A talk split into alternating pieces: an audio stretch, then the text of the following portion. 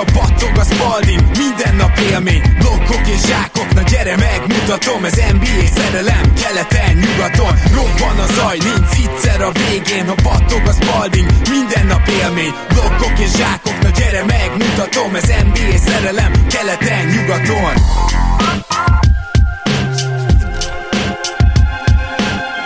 É, jó! Szép jó napot kívánok mindenkinek, ránk köszöntött a playoff napja, ez pedig a Stars.hu keleten-nyugaton podcast. Én Rédai Gábor vagyok, és mint mindig most is itt van velem Zukály Zoltán. Szia Zoli! Szia Gábor, örülök, hogy itt lehetek. Ránk sütött a playoff nap, az igazi napok nélkül még egy ideig, de ha a Bukernek hihetünk, akkor most utoljára, bár én megmondom őszintén kicsit megmosolyogtam a, a, ezen nyilatkozatát igen, főként, hogy az idei drafton nem tudom, hogy ki az, aki Doncsicson kívül ilyen egyből segítséget nyújt, még pedig ekkorát, és még Doncsicsba se vagyunk biztosak, úgyhogy na hát ez egy másik adás témája, az tény, viszont ma azzal kell kezdenünk, hogy ha még szombat van, kedves hallgató, és hallgatod ezt a podcastet, akkor 9 órától a keleten-nyugaton YouTube channelön élő közvetítés lesz, tehát megoldottuk igazából azt, hogy Zolival egy kicsit gyakrabban tudjunk élőzni. Ez egy YouTube beszélgetésen keresztül lesz, természetesen meg annyi linket kaptok majd, kövessétek az oldalt, meg persze lájkoljátok, és akkor természetesen még inkább update tudtak lenni ez ügyben. Úgyhogy tehát ma 9-től playoff maraton Zolival és velem, amíg bírjuk nagyjából, ugye a, az a rendszer, ahol leszünk, az körülbelül 10 órát enged minket egybe felvenni, úgyhogy nem hiszem, hogy ilyen időbeli problémák lesznek. Kérdés az, hogy meddig tart ki a mi lelkesedésünk, de azt gondolom, Zoli, hogy kettő meccset egészen biztosan megígérhetünk, de az is lehet, hogy hármat. Hát, hogyha ha már elkezdődik ugye ott a 9 órás meccs után az éjféli, hát gyanús, hogy azt már nem fogjuk uh, uh, hagyni parlagon heverni. Uh, aztán utána lesz még akkor ezek szerint még egy? Hát lesz kettes is, és lesz félötös is. Uh, a, a félötös kicsit necces, főleg, hogy én holnap kell Igen, de lehet, hogy a kettest azt még talán bevállalom én is. Uh, meglátjuk. De az első két meccset a 100 Na és hát ma pedig a maradék négy párharcunkat elemezzük ki, megpróbáljuk olyan alapossággal, mint a tegnapi podcastben, és ehhez ismét hívtunk segítséget, ezúttal Pándi Gergő lesz a vendégünk. Szia Gergő! Sziasztok, örülök, hogy már a héten harmadjára is újra itt lehetek. Szia Gergő, én is hasonlóan örülök. Hát igen, és ez egy ilyen hét, ez a vendégek hete, de nem is bírtuk volna ezt csak ketten. Remélem, hogy örültek neki, hogy most ennyi hallgatni való van, és amikor legutóbb így nagyon besűrűsödtünk, akkor azt vettük észre, hogy egyszerűen le voltatok maradva, nem bírtátok hallgatni, most meg egészen elképesztően oda teszi magát a keleten-nyugaton közösség, mert ilyen egy nap alatt ezer meghallgatásnál járnak a podcastek, úgyhogy úgy látom, hogy mindenki szívvel, lélekkel készül erre a playoff és arra is, hogy sok-sok keleten-nyugaton podcastet lehet ilyenkor hallgatni. Négy párharc, és szerintem kezdjünk a Cleveland-Indiana összecsapással, mert hogy bevallom őszintén, hogy matchup szempontból itt vannak szerintem a legnagyobb érdekességek, és úgy gondolom, hogy elképesztően számít majd az, hogy melyik csapat épp melyik ötössel lesz a pályán, és nagyban befolyásolhatja akár azt a 2-3 percet is, amikor éppen szembe kerül az egyik ötös a másikkal, de ebbe majd részletesebben belemegyünk. Zoli, egy picit ismertetnéd nekünk, hogy hogy is történt meg az alapszakasz párharc e között a két gárda között? Természetesen, örömmel. És uh, még itt Gergőre visszacsatolva azt akartam még így mondani, hogy ő leveszi a terreket a vállunkról, mint ahogy Nance uh, LeBron vállairól. Illetve hát szeret, szeretné Gergő ez így lenne, mert uh, szegény Nance Junior nem mindig uh, annyit és úgy játszatják, ahogy azt ő is szeretné, biztos, hogy majd ezt is uh, meg fogja említeni. Akkor nézzük meg, hogy hogyan végzett ez a két csapat az alapszakaszban meglehetősen érdekes az eredmény, bár hogyha visszaemlékszünk rá, hogy hogyan kezdett a Cavs, akkor ugye nem feltétlenül. Az első mérkőzésüket november 1-én nagyon-nagyon simán nyerte a Pacers 124-107-re. Ugye azokban a hetekben már ott látszott, hogy hogy a Cavs védekezésével bizony lehetnek problémák. A második mérkőzésüket december 8-án játszották, az már sokkal szorosabb lett, de azt is a Pacers nyerte 106-102-re. A harmadik meccsük január 12-én még ennél is szorosabb lett, azt 90, de azt is ugye megnyerte a Pacers 97-95-re, tehát itt 3-0-ra vezettek a, a, az alapszakasz párharcban, és aztán a legutolsó meccsüket január 26-án megnyerte a Cavs végre 115-108-ra, de ha jól emlékszem, az még mindig Gergő ugye a csere előtti Cavs volt. Így van, így van. Itt is elmondhatjuk gyakorlatilag, hogy foghatjuk ezt a statisztika halmazt, és itt szépen egy gyönyörű spirállal belehajíthatjuk a kukába. Gergő, ki lehet indulni bármennyire ezekbe az alapszakasz meccsekbe? Mert eh, én úgy látom egyébként, hogy mind a két csapatnak elképesztően rossz meccsap a másik. Hogyha van, van egy ilyen párharc, akkor az ez, ahol, ahol rossz meccsap mind a kettőnek a másik csapat, de nyilvánvalóan ezt nem tudták igazán letesztelni, mert az a Cavs egy teljesen másik Cavs volt. Hát igen, abból nem nagyon lehet kiindulni, gyakorlatilag a két meccsből, vagy két meccsen játszott Lavis, tehát a kezdőből egyedül LeBron maradt a playoffra a Clevelandben. A rotációban is nagyon sok a változás, úgyhogy az alapszakaszból szerintem itt nem lehet kiindulni. Azt lehet megnézni, hogy LeBronra van emberük az Indiánának, erre majd gondolom kitérünk, hogy van-e. Mm, egyáltalán az is jó kérdés, hogy van-e bárkinek embere LeBronra, de ugye e- e- erre most nem térünk, itt csak az Indiánáról beszélünk. Úgyhogy igen, szerintem itt, itt is elmondhatod, hogy az alapszakasz gyakorlatilag semmit se ér ebben a párharcban, nem lehet belőle kiindulni nem lehet vele gyakorlatilag semmit, ne, semmit nem érünk szerintem az alapszakasszal. Most akkor szerintem csapjunk is bele. Először is azt ugye megállapíthatjuk, hogy azért itt a Clevelandnek a védekezése az ebben az utóbbi időszakban, mondjuk úgy a csere után sem volt kiemelkedő. Ezt azért tartom fontosnak hozzátenni, még akkor is, hogyha Gergő már így tűkönölve várja, hogy bemondhassa, hogy de amikor Lance pályán volt, mert ugye azért az Indiana egy potens támadó csapat, és elég modern kosárlabdát is játszanak idéntől, úgyhogy ez mindenképpen azt mutatja nekem, hogy itt azért nem 90-89-es meccsekre kell készülnünk, én inkább így a 110 környéki pontokat vizionálom itt majdnem minden találkozóra, és akkor Gergő, kérlek mondd el nekünk, hogy miért lesz Nenszel jó a védekezésetek. Hát sok minden miatt, de hogy azért Nensnek a, a védekezésbeli jelenléte az nagyon sokat számít ebben a csapatban. Ezt ugye minden egyes statisztikával alá lehet támasztani, a, akárkivel van fent a pályán, a csapat védekezése megváltozik, és éppen ezért én sajnálom valamilyen szinten, hogy ő nem lesz kezdő, de annak is megvan az hogy ő miért nem kezdő. Most ugye a védekezésre kitérve, az, ami látszik, hogy idén a csapat védekezése a csere határidő után, azokban a pillanatokban, amikor LeBron nem volt a pályán, akkor egy jó, néha már már elit védekezés volt. Volt olyan időszak még egy héttel ezelőtt, Például úgy álltunk, ezt pont akkor néztem és említettem meg a Clevelandi csoportban, hogy akkor a védekezés LeBron nélkül 101,1-es defensív ratinget hozott, ami ugye tényleg már egy nagyon jó védekezés, és éppen erre mondtuk Clevelandi csoportban, hogy talán, hogyha LeBron végre playoffban elkezdene védekezni, akkor lehet, hogy ez a csapat tudna védekezni is, hiszen hogyha tavalyra visszanézünk, amikor ugye szintén óriási bajok voltak a védekezésben az All-Star break után, akkor azt láttuk, hogy tavaly LeBronnal a pályán 112-es volt a defensive rating, LeBron leült, és 114-es lett. Na idén ez úgy változott, hogy az All-Star break után LeBronnal a csapat védekezése 110, 110-es volt a defensive rating, nélküle 101-es, most egy kicsit feljebb ment, mert ugye most a, főleg az utolsó meccseken géligások is játszottak, úgyhogy most az, ez azt jelenti, hogy jelenleg 105-ös a defensive rating, amikor LeBron ül. És éppen ezért gondolom azt, hogy lehet ebbe a védekezésbe valami, meg hát nyilván Larry nance mióta eljött a Clevelandbe, akármikor van fent a pályán, és azért ez már 500 percet jelent Clevelandi mezekben, 102,5 volt a csapat defensív ratingje, úgyhogy ő nagyon sokat tud számítani ennek a csapatnak védekezés ügyileg. Az a probléma ugye, az, ugye kezd védekezésében általában, meg LeBron védekezésével, hogy, hogy itt már szerintem nem arról van szó, hogy nincs, nincs meg az a akarás LeBronban, hanem itt egyszerűen energia problémákat látok. Tehát az már én azt gondolom ezen a ponton 33 évesen nem fér bele, hogy ő 100%-ot nyújtson a pálya mindkét oldalán, és ha választani kell, akkor nyilvánvalóan ugye a támadó oldalon fogja beletenni ezt az energiát a meccsekbe, mert ott sokkal nagyobb impactet tud letenni. Más kérdés, hogy tudjuk azt, és ezt Gergő, te is tudod, most el is mondtad, hogy, hogy LeBronban még ma is benne lehetne az, hogy, hogy ő jól védekezzen, de egyszerűen túl sok energiát emésztene fel és valószínűleg az egyenletben, ami így kijönne, ott a végeredmény kevesebb lenne, mint hogyha azt az energiát fele-felébe osztaná el, vagy mondjuk még többet fordítana a védekezésre, mint támadásra, ami hát persze nyilván lehetetlen kérés, és nem is szabadna ezt kérni tőle. Én azt gondolom, hogy itt jött el a, az a pillanat, hogy belecsapjunk a meccsapokba, például, hogy azt is megnézzük, hogy LeBron majd mikor, hol védekezhet, de onnan kezdeném, szerintem onnan érdemes kiindulni, hogy az Indiánának,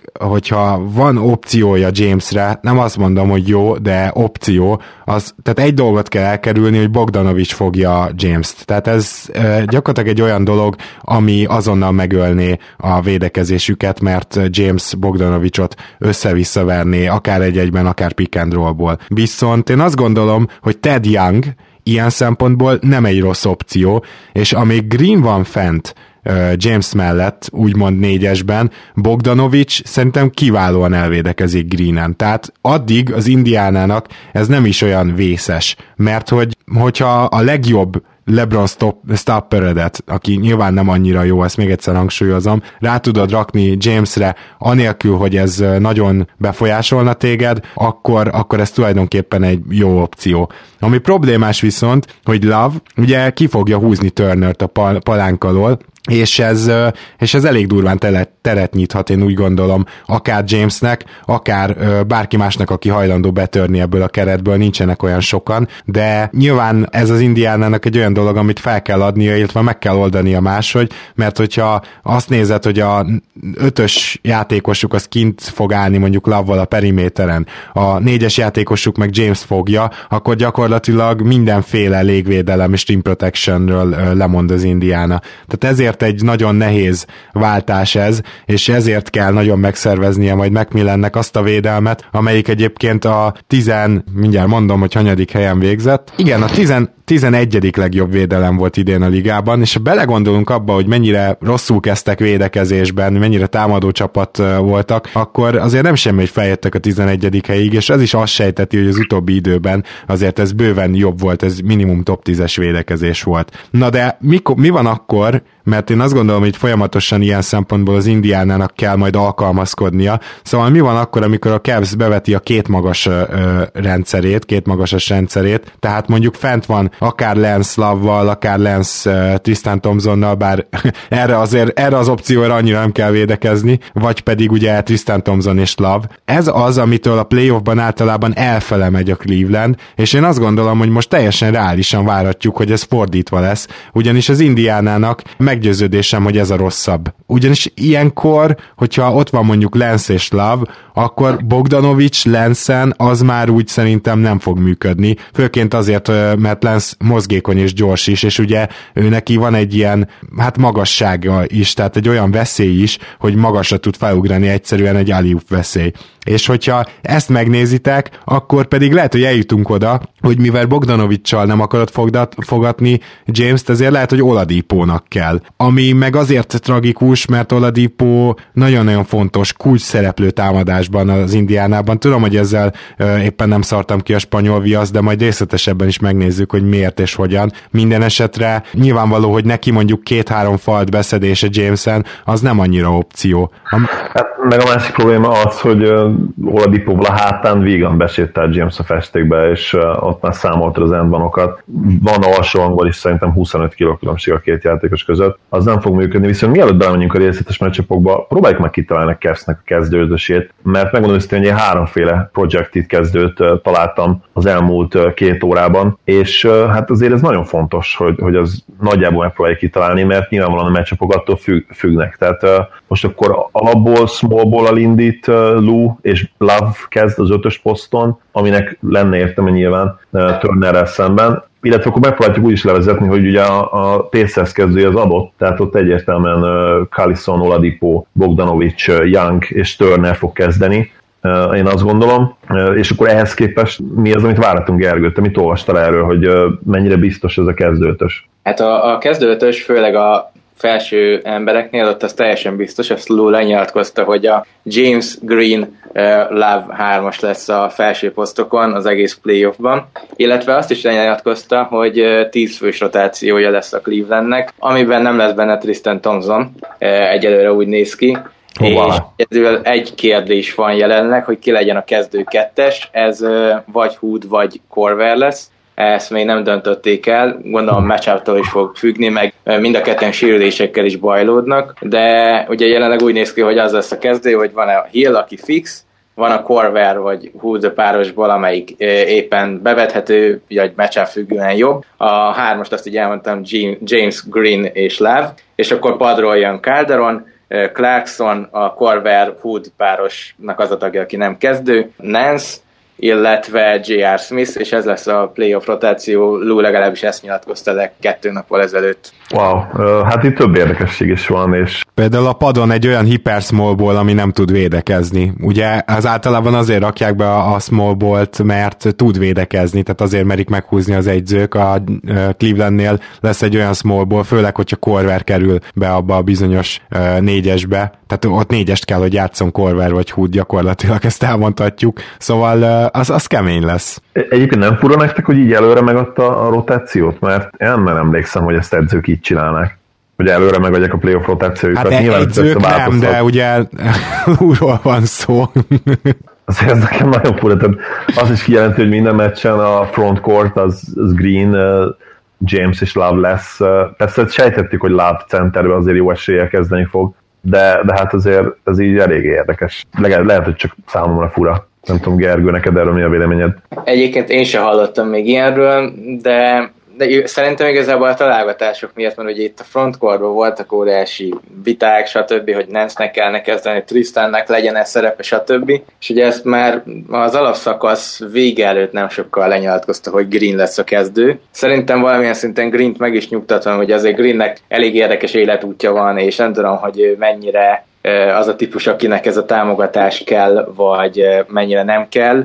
Majd róla fogok beszélni, mert egyébként nem teljesen értettem egyet a kezdetésével, de vannak dolgok, ami miatt egyébként megérthető, hogy ő kezd akár Nance helyén is, és ugye az volt még, a, hogy Tristan vagy Nance lesz a, a csapat tagja, mert az látszott, hogy megpróbálták a Tristan Thompson, Larry Nance féle hát duót játszatni, és azt hiszem, hogy valami 69-es offenzív rating jött belőle össze azon a három meccsen, amit játszottak, úgyhogy úgy, úgy döntött a Clevelandnek a szakmai sávé, hogy talán ezt nem kéne erőltetni, és valószínűleg helyesen döntöttek így. Szerintem Úgyhogy... ezt megmondtuk volna akkor is, amikor ez az ötlet kipattant valakinek a fejéből, nem? Igazából igen, ezt, ezt mindenki megmondta előre, hogy így lesz. Valószínűleg Lóék is tudták, hogy így lesz, de azért valahogy ott volt bennük, hogy még talán így azért az alapszakasz végén hát, ha valami óriási dolog kijön belőle, és hát nem jött ki belőle semmilyen óriási dolog. Akkor én azt javaslom, hogy nézzük meg fordítva, ugye már megnéztük, hogy mi történik akkor, amikor a Cleveland támad, de mi történik akkor, amikor a Pacers támad. Ugye én azzal kezdtem, hogy ez mind a két fél számára egy rossz matchup, és ezt elsősorban arra alapozom, hogy ugye az Indiana támadó rendszere az elképesztően épül az Oladipo pick and roll-okra, és ugye itt gyakorlatilag kellett egy olyan irányító, és ezt sikerült is megszerezni Callison személyében, aki rohadt jó off-the-ball játékos, egész jó védő, és jó secondary ball handler, tehát gyakorlatilag a George Hill-jüket kapták vissza Callisonban, és Callison hozza is ezt, azt kell, hogy mondjam, hát egészen elképesztő shooting százalékai vannak, ugye ezt már egy olyan, hát öt podcasttel ezelőtt, mint hogyha felemlegettem volna, de ami fontos, hogy ezzel Oladiponak széthúzza a pályát ő is, és Bogdanovics is, és ugye Young is, tehát ő is bőven ki tud menni a tripla vonalon kívülre, és Turner is. Tehát azért, hogyha megnézed, most már nem csodálkozhatunk azon, hogy ez egy nagyon potens támadó alakulat, hiszen ennyi, ennyi jó shooter gyakorlatilag a Warriors miniben, azt kell, hogy mondjuk, csak nincs ott a két nagyon elit dobó.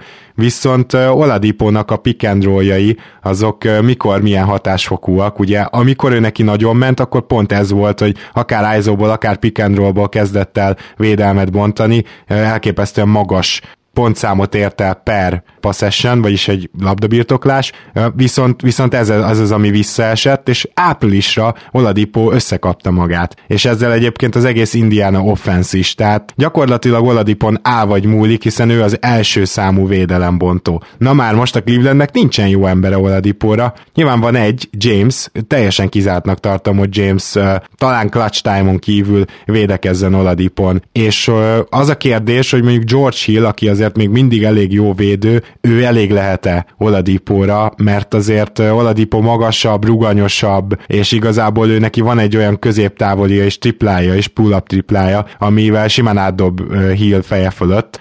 Viszont Hillnek meg azért ott van az az elképesztő tapasztalat, rutin, és Hill tényleg olyan típusú védő, aki egészen pontosan feltérképezi az ellenfelét, és tudja, hogy hogy lehet neki problémákat okozni, vagy esetleg lehet, hogy Lou meghúzza azt, hogy bárki is kezd kettes poszton, mondjuk Hood, majd ő fogja Oladipót, mert ott azért lesznek problémák, úgy érzem. De plusz a másik miatt Gergő átveszed, mert itt azért a te szakértelmedre számítunk főleg. Az, az igazság, hogy Collison extra nagy probléma lehet a Cavs ellen. Tudom, hogy más, másik csapat ellen játszott gyakorlatilag, de, de nagyon élt, és azt hiszem, hogy vezeti a ligát is például assist to turnover arányban, ami egészen hihetetlen, és nyilván persze ebben az is benne van, hogy, hogy secondary ball handler csak, és nem kell belemennie rizikos passzokba, meg rizikos pick and roll dolgokba, de, de ha például Oladipot le tudják venni, akkor, akkor ő is akár problémát okozhat. És uh, tényleg, ahogy mondtad Gábor, ennek a kezdőnek a spacingje az valami egészen hihetetlen. Tehát uh, ugye Bogdanovics is 40% felett van, Callison bőven 40% felett van, uh, Oladipo ugyan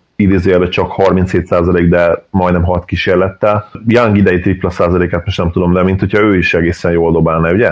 Ja, hát biztos, hogy 35 fölött szerintem. Igen, tehát ez, ez lehet, hogy a legjobb uh, tripla dobó kezdő a ligában jelen pillanatban, vagy, vagy ott van a top 3-ban, szinte bizonyos. Hát igen, egyébként a, ez az Oladipóra én sem látom jelenleg, hogy ki lesz a főember. Ugye James jó lenne, főleg azért, mert Jamesnek egy valami az, ami még az alszakaszban is jó, tehát a labdás emberem még mindig jól tud védekezni, és ott még oda is teszi magát, hiszen azért azt nem engedheti, hogy, hogy őt egy az egybe bárki megverje, illetve nem is nagyon próbálkoznak vele, hiszen LeBronnak van ez megvan, hogyha valaki őt megveri egy az egyben, akkor utána mindenképpen elkezd rá, direkt rájátszani támadásban, és hát azért támadásban, hogyha valakit kipécézzanak, nem, nem szokott jó vége lenni. Úgyhogy ebben van az Oladipo ellen egyedül én úgy gondolom, hogy Jamesnek lenne esélye, sőt nem is lenne, hogy esélye, hanem ő, ő lenne rá jó, viszont az nyilvánvaló, hogy őt nem fogják rátenni, hiszen a támadásban kell, hogy valahol erőt szerezzen, és nyilván ez a védekezés lesz. Ahol, ahol gondolom, hogy Bogdanovicson fog pihenni a sarokban, hogyha jól sejtem. Így van, csak reméljük nem csak pihenni fog, mert nagyon sokszor történik meg azt, hogy tényleg csak pihen, és ebből azt szokott az lenni, hogy addig pihen, míg elmennek mellette, és egyszer csak azt vesz észre, hogy az ember éppen üres triplát dob rá. Úgyhogy ez az, amit egyébként tudna javítani, és szerintem, hogyha koncentrálna, akkor meg is tudná tenni, de nagyon sokszor van ez, hogy gyakorlatilag így bealszik a védekezésben, illetve ugye sokszor van az is, ami a játék stílusából fakad, hogy ő rámegy arra, hogy passávokban legyen, megpróbáljon ugye gyors indítást indítani. Csak régen ugye ilyenkor még hiába volt a passávon, kiért az emberre, mert meg volt az effort, meg volt egyáltalán a fizikuma hozzá, ami még mindig nagyon jó, de most már talán kicsit kopott, illetve az effort hiányzik így, ezért nem ér ki a, a sarok triplára, úgyhogy nyilván ezt meg kell tennie, aztán a negyedik negyedekben szerintem rá fogják állítani Oladipót, főleg, hogyha előtte nem működik a védekezés. És az, hogy ki fog rajta Oladipon kezdeni védekezésben, hát ezt nehéz megmondani. Én, én, a, én támogatnám, hogy legyen rajta Hill, mert azért ő is nagyon jó um, a labdás elleni védekezésben. Meg hát a pick and roll-okat ő fantasztikusan védi, tehát ez egy ilyen teljesen új dimenziót hozott azt gondolom a Cavs-be, amit évek óta nem láttatok már. Igen, igen, úgyhogy ő is, ő, ő, ő ebbe szerintem jó lenne. Kérdés az, hogy hogy mennyire fogják ezt kipróbálni. Ugye, hogyha megnézzük az eddigi meccseket, nyilván eddig nem volt Hill, de eddig mindig az volt, hogy J.R. Smith fogta, aki volt ugye a kezdő, és hát ebből az lett, hogy agyonverte egyébként Oladipo minden meccsen J.R. Smith, gyakorlatilag a meccsek több mint felében uh, JR fogta, uh, meccsenként 56, 56 ilyen támadás volt, mikor JR Smith fogta Oladipót, és ezeken az 56 támadásból, tehát mind a pontátlaga, mind a mezőny százalékai nagyon jók voltak, mikor JR fogta, és aki a legjobb volt ellene, az az ember, aki egyébként valamiért ugye most kikerült a rotációból, Cherry Osman például jó volt ellene, ő fogta többször is, és ő, ő teljesen, nem azt mondom, hogy hatástalanít tudtam, mert nyilván az egy nagy, nagyon erős túlzás lenne, de mikor Oladipo ellene volt, akkor, akkor a mezőny százalékai is rosszak voltak, a tripla százaléka is, és nem is volt a hatékony a csapatnak a támadása. Míg JR-ral, JR-ral nagyon nagyon jó volt például, amikor ő fogta, és JR-nál nem hiszem, hogy jobb védő akár Hood, akár Corver. És éppen ezért én talán támogatnám azt, hogy ugye most arról beszélnek kint, hogy Chedi nem lesz benne a rotációba, én védőként, vagy csereként mindenképpen behoznám, mert ő szerintem tudná, tudna védekezni Oladipon, és ezzel tudna Hill is, illetve James is véd, pihenni védekezésben. Igen, ugye fura volt az ő szerepeltetése, mert az első pár meccsen, amikor mintha bekerült a kezdőben, nagyon nagy találmánynak tűnt, és akkor ugye a dobása is jó volt. Aztán a probléma akkor kezdődött, amikor az üres triplákat elkezdtek kiadni, ugye volt egy kulcsmeccs is, ha jól emlékszem, ahol a két teljesen üres triplát hagyott ki crunch time-ban back-to-back egymás utáni támadásoknál. Valószínűleg ott történtett valami Lú, Lú, Lúnál, tehát ott lehet, hogy elvesztette a bizalmat Cseriben, mint playoff rotációs emberben, és én is azt gondolom, hogy ez, ez hiba lehet mert az ő játéka alapvetően azért eléggé low risk játék, és persze nyilván üres triplákat be kellene dobni a playoffban, de, de azért mindenképpen meg lehetne próbálni, akár az első fél időben, hogy, hogy egy kicsit termentesítse azt a játékost, aki éppen Oladipon szenved, mert azért ez könnyen lehet, hogy, hogy szenvedés lesz. Amit nehezen tudok elképzelni, hogy, hogy a Cash sokat fog duplázni Turnerről és Youngról, mert ez a Pacers van annyira jó, és vannak annyira jó dobok a kezdőben, hogy, hogy ki fogják játszani üres triplára, és az szerintem nem fog működni a duplázás. Pont ezért is próbál nyilván a Kers egy ilyen kicsit homogén line feltenni, ahol, ahol mindenki tud mindenkit váltani, de ugye ennek meg megvannak a maga hátrányai, mert egyszerűen nincs annyi túvé játékosuk, hogy, hogy ez igazán veszélyesít tegye őket. Persze ez nem azt jelenti, hogy a Pacers nem ők az esélyesek, erről nyilván beszélünk majd, de, de ha kicsit előre gondolkodunk, akkor nehéz azt vizionálnom, hogy, hogy igazán vérmes reményei lehetnek a Cavsnek, bár mondjuk nyilván a döntőbe azért bejuthatnak, mert most azért kelet eléggé sajátságos, ami a, a playoff konkurenciát illeti. Hát ennyire most tényleg ne szaladjunk előre, közben megnéztem egyébként Turner 36, Young csak 32%-kal triplázik, de ezek a számok sem olyanok, ami miatt mondjuk Young ne dobhatna be egy meccsen két triplát, ami pont döntő lehet, tehát nem gondolom egyáltalán úgy, hogy ez annyira vészes. Igen, főleg, hogyha úgy jön ki, ugye, hogy, hogy teljesen üresen marad, mert nyilván azért ezek a, ezek a számok nem úgy jöttek össze, hogy mindig üresen dobhatott, de egy playoff abban, ha úgy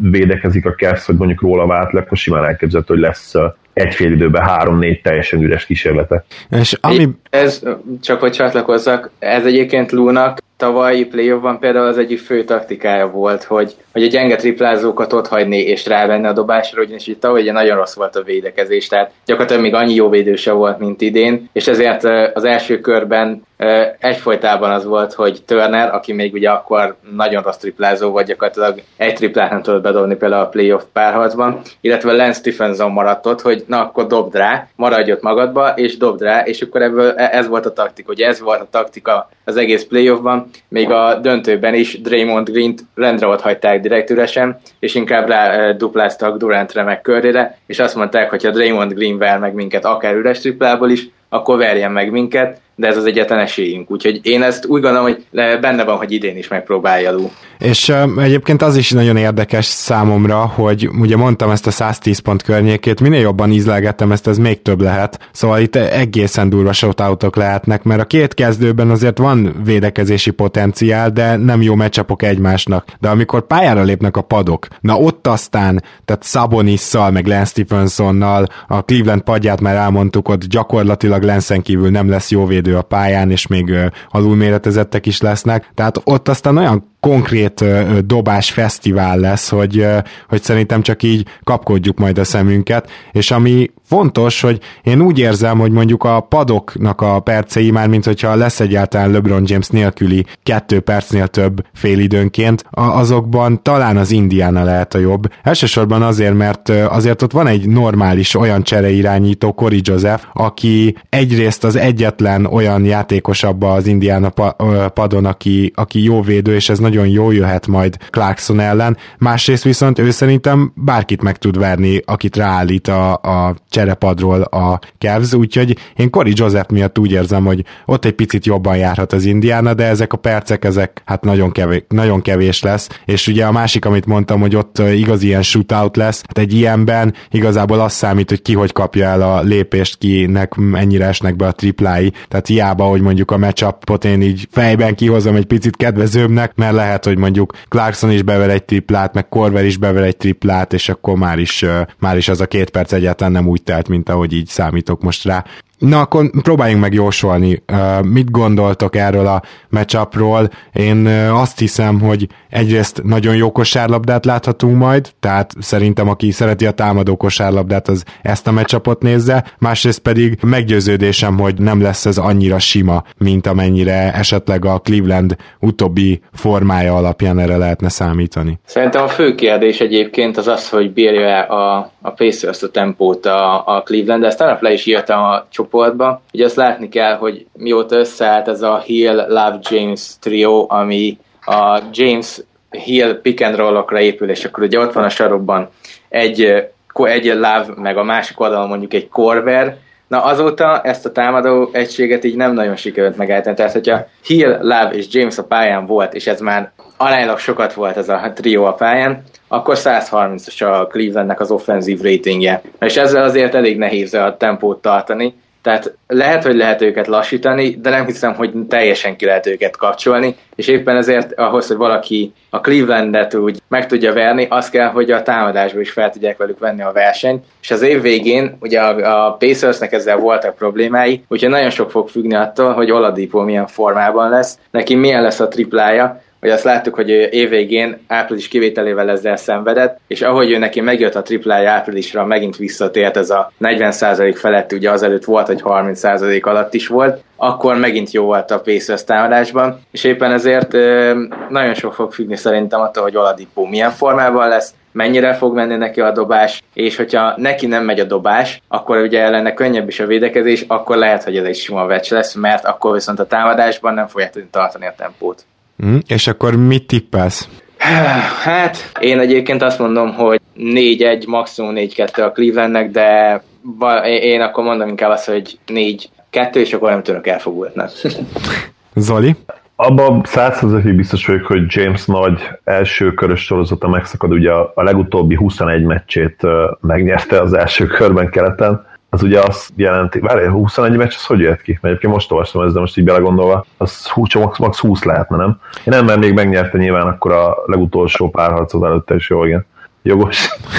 igen, matek brainfart, hogy tudjátok, hogy nem viccelek, amikor a matek képességémet emlegetem. Szóval a legutóbbi 21 meccsét megnyerte a keleti első körben, ez szinte 100 hogy most megszakad, de én se, én se gondolom azt, hogy a Pacers túl tud jutni a Cavs-en azon egyszerű oknál fogva, hogy amit mondtam tegnap is, ugye talent trumps everything, és uh, LeBronnál jobb, illetve hát akár egy megközelítő legolyan jó talent sincs a, a, a Pacers-ben, persze ez ugye, ezt ugye majdnem minden csapat elmondhatja magáról. És uh, a másik problémám az, hogy a Pacers hiába nyeri meg papíron a meccsapokat, hogy hiába olyan meccsap, ami, ami tényleg a Cavs-nek problémákat okozhat, egyszerűen ezt még nem tudták azért idén úgy átvinni, hogy, hogy nagyon hatékony legyen akár a támadójátékok, akár a védekezésük. Ők egy jó közepes csapat, play, közepes playoff csapat, mint támadásban, mint pedig védekezésben, de hiányzik az a plusz faktor, az a, az a plusz sebesség, ami megengedni azt, hogy, hogy itt akár egy hét meccses sorozatot játszanak. Úgyhogy én is azt mondom, hogy, hogy LeBron és társai megoldják ezt hat meccsen. Lehet, hogy az a hat meccs az az szoros lesz, lehet, hogy abból öt, öt nagyon szoros lesz, de egyszerűen nem tudom elképzelni jelen pillanatban a psz hogy, hogy megcsinálják ezt az upsetet. Nem azt mondom, hogy sokkal, mert nyilván Cavs egy teljesen új csapat, LeBron sem feltétlenül az a játékos már, aki 2013-ban vagy 2014-ben volt, tehát nem sokkal a dolog, de, de azért, azért meglepne. Úgyhogy 4-2 Cavsnek. Engem az lepne meg, hogyha szoros meccset tudna nyerni a Pacers. Szóval itt én azt gondolom, hogy ahhoz, hogy a Pacers megverje a Clevelandet, ahhoz egyrészt a Clevelandi védekezésnek hát mondjuk azt a formáját kell hozni, amit mondjuk úgy Lens nélkül szokott, illetve ami fontos, tehát hogy hamar eldőjön a meccs, illetve ami fontos, hogyha viszont szorossá válik, akkor azért az utolsó öt percben James végigvezeti azokat a támadásokat, egyszerűen az lesz, hogy hogy vagy büntetőt dob, vagy pontot szerez. Nagyon nehéz lesz ott defensív stopokat elérni, és ilyen crunch time offense szerintem nem lesz az Indiánának. Úgyhogy én ezért 4-1-et tippelek, mert hogy azt gondolom, hogy valóban szoros meccsek lesznek, de a szoros meccseket általában a Cleveland fogja megnyerni, és talán lesz egy, ez simán benne van, amikor mondjuk a Cavsnek a shootereinek nem megy úgy, nem 60%-kal dobnak, mint mondjuk a Raptors elleni alapszakasz meccseken, és hogyha lesz egy ilyen meccs, az Indiana szerintem ilyen szempontból kiegyensúlyozottabb lesz támadásban, tehát az Indiana nem fog annyira besülni, én úgy érzem, úgyhogy akkor azt a meccset lehozhatják, de azért, mert hazai pályán is indul a Cavs, én a 4-1-et érzem jogosabbnak, nem lepődnék meg én se a 4-2-n. A crunch timehoz annyit, hogy azért az idei Cleveland gyakorlatilag minden idők egyik legjobb clutch teljesítményét hozta le. 30-15-tel zárta, de nem is ez volt ugye az igazán nagy dolog, hanem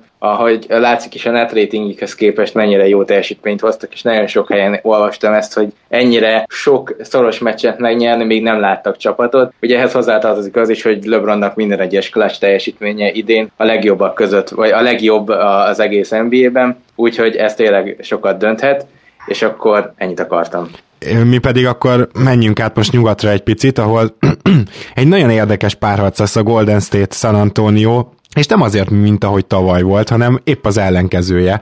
Mind a két oldalról hiányzik a legjobb játékos, még akkor is, hogyha én Durantet laborkörülmények között jobbnak tartom, mint curry az el kell ismernem, hogy ennek a rendszernek Curry az alapja, úgyhogy ezt így kimerem most mondani. És hogyha megnézed azt ezt a két hiányt, akkor, akkor bizony egy idő után elég fura következtetésekre jutsz. Legalábbis én arra jutottam. Az az igazság, hogy nem csak a Spurs dadogott itt a utolsó hetekben, sőt, hát a Spursnek volt egy nagy futása is, csak aztán a New Orleans elleni meccs volt teljesen megmagyarázhatatlan a vég végén, hanem a Warriors is dadogott, és én szerintem ez nem csak arról van szó, hogy hát így takaréklángon voltak, ugye rengeteg volt a sérül, de aztán sem ment igazán, amikor Curry nélkül, de az összes többi sztárral együtt voltak a parketten. Nem mondom, hogy akkor rosszak, csak nekem nem tűnik az az offense elég megbízhatónak, és éppen ezért, amikor tegnap azt mondtam, hogy itt félek legjobban a 4 0 tól azóta odáig gondolkoztam magam, hogy már teljesen más eredményre tippelnék, Persze ne innen kezdjünk. Zoli, hogy alakult a két csapatnak a alapszakasz párharca? Az alapszakasz párharc első két meccsét nagyon simán nyerte a Warriors. November másodikán volt az első összecsapás, 112-92-re, tehát 20 ponttal nyerték meg. A másodikat majdnem ugyanilyen arányban 17 ponttal 122-105-re, viszont ez már jóval később volt, több mint három hónap különbséggel, február 10-én. Aztán március 8-án volt a harmadik mérkőzés, azt már csak 110-107-re nyerte meg a Warriors, és most március 19-én, még nem egész egy hónappal ezelőtt egy hihetetlen low scoring meccset sikerült összehozniuk. Nem tudom, hogy ez hogy, hogy jött össze, mert nem emlékszem, hogy milyen line volt azon a meccsen, de azt gyanítom, hogy valami ott nem stimmelt. Azt 89-75-re old school eredménnyel nyerte a Spurs.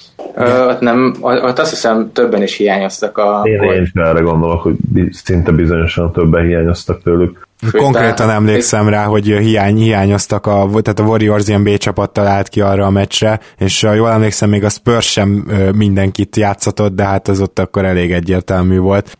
Nézem a kezdőket, Warriorsnál Green játszott, de mondjuk csak 11 percet, és se Durant, se Curry nem játszott az mérkőzésen, se Thompson, úgyhogy igen. És Green is megsérült ott az elején azon a meccsen. Most igen, 11, 11, meccset, 11 percet játszott, tehát gyakorlatilag a Big Four nélkül játszották azt a mérkőzést. Gergő, én azt gondolom, hogy talán azt kérdezném először tőled, hogy a Warriorsnak a támadása, ez az offense. Egyetértesz velem, hogy ez nem túl megbízható mostanság, és pont egy Spurs védelem ellen ebből még probléma is lehet? Én kigyűjtöttem most azokat, hogy mikor Curry nem volt, de a másik három tagja ennek a négyesnek volt, akkor milyen mérleget, milyen ratingeket hozott ezeken a meccseken a csapat. És ugye 17 ilyen meccs volt, mikor Curry nem, de a másik három játékos volt. Ezeken 10 hetet hoztak, ami már alapból ugye látszik, hogy nem egy ideális szám egy ilyen csapattól. A ratingik pedig 107 pontot szerezt, 107-es volt az offenzív ratingjük, és 106-os a defensív ratingjük, tehát egy plusz 1, egy kicsit csaltan, tehát egy 1,3 volt a, a net rating, míg március óta igazából az az érdekes, hogy nem is a támadás rogyott meg hanem a védekezésük. Március óta, mióta van ez a nagyon hosszú köri kiesés, azóta 108-as az offenzív ratingünk, ami nem olyan jó, mint amikor Curry van, de nyilván annál azért nem annyira rossz, viszont a védekezésük a 111,4, a mérlegük is csak 4, 4 győzelem és 5 vereség, viszont ez az a dolog, amiben én azt mondom, hogy talán itt egy kicsit ebben már benne van az is, hogy itt az alapszakasz végén kicsit leeresztettek ők, és épp ezért mondom azt, hogy nem feltétlen kell szerintem még a harangokat kongatni, Viszont az mindenképpen igaz, hogy egyébként jól jártak szerintem ez a San Antonio az első körben, de ezt majd mindjárt megbeszéljük, hogy miért. Hát nézzük meg, hogy hogy nézhet ki ez a pályán gyakorlatilag. A, ami ugye a San Antonio-nál hatalmas probléma, és különösen idegenben, hogy teljesen le tudnak blokkolni támadásban, közepes védőcsapatok is teljesen megfogják őket. Na most azért nehéz a San Antonio-nál egyáltalán statisztikát nézni, mert Popovics idén a pihentetést, és már ugye többször emlegettem a hétfői overreaction hogy milyen mérges is vagyok ezért, soha nem látott szintre vitte. Gyakorlatilag rotált. Tehát minthogyha egy európai labdarúgó csapatot néznénk, aki ligakupát meg, meg kupát játszik hétköznaponként. Vagy mondjuk fontos BL meccset, és akkor nem annyira jó kezdővel áll ki a bajnokira. Tehát ez, ez az érzésed volt végig, és ezért egyszerűen szinte line-up finderekkel kell nézni azt, hogy a Spursnek a leg, elvileg legerősebb kezdőötösei, illetve rotációja az mit csinált. Na már most nem ebből indulnék ki, hanem abból indulnék ki, hogy a Spurs támadása az miért ennyire rossz idén. Természetesen azért, mert nincs egy ilyen nagyon hatékony szkórerük, mint Leonard, de azt is nézzük meg, hogy Aldridge azért viszonylag hatékony, egy egészen elképesztő számot hallgattam róla a Dangdonban, mégpedig azt, hogy hát volt valami 800 vagy valami hasonló post touch tehát amikor post a pozícióban megérintette a labdát, vagy megkapta, és ebből összesen 35 turnover született ami annyira sokkoló adat, hogy egyszerűen nem is akartam elhinni. Tehát, hogy ez létezik. És igen, ugye ez természetesen hozzájárul ahhoz, hogy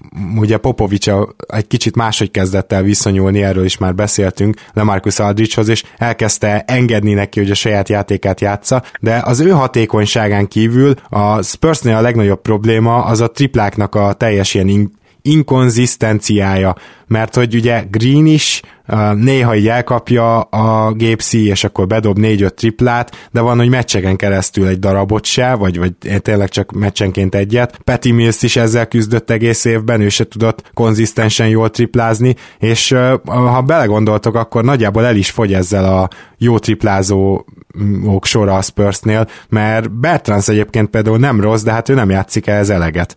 Úgyhogy ez az, ami nagyon érdekes, hogy úgy próbálsz posztapot játszani, meg face játékot ugye a, a könyöknél, amit Oldrich szokott, hogy nincsen körülötte széthúzva igazán a pálya, és hát ez az, ami miatt a spurs lehet tömörülni, és ez az, ami miatt gyakorlatilag nem tudnak rendesen támadni.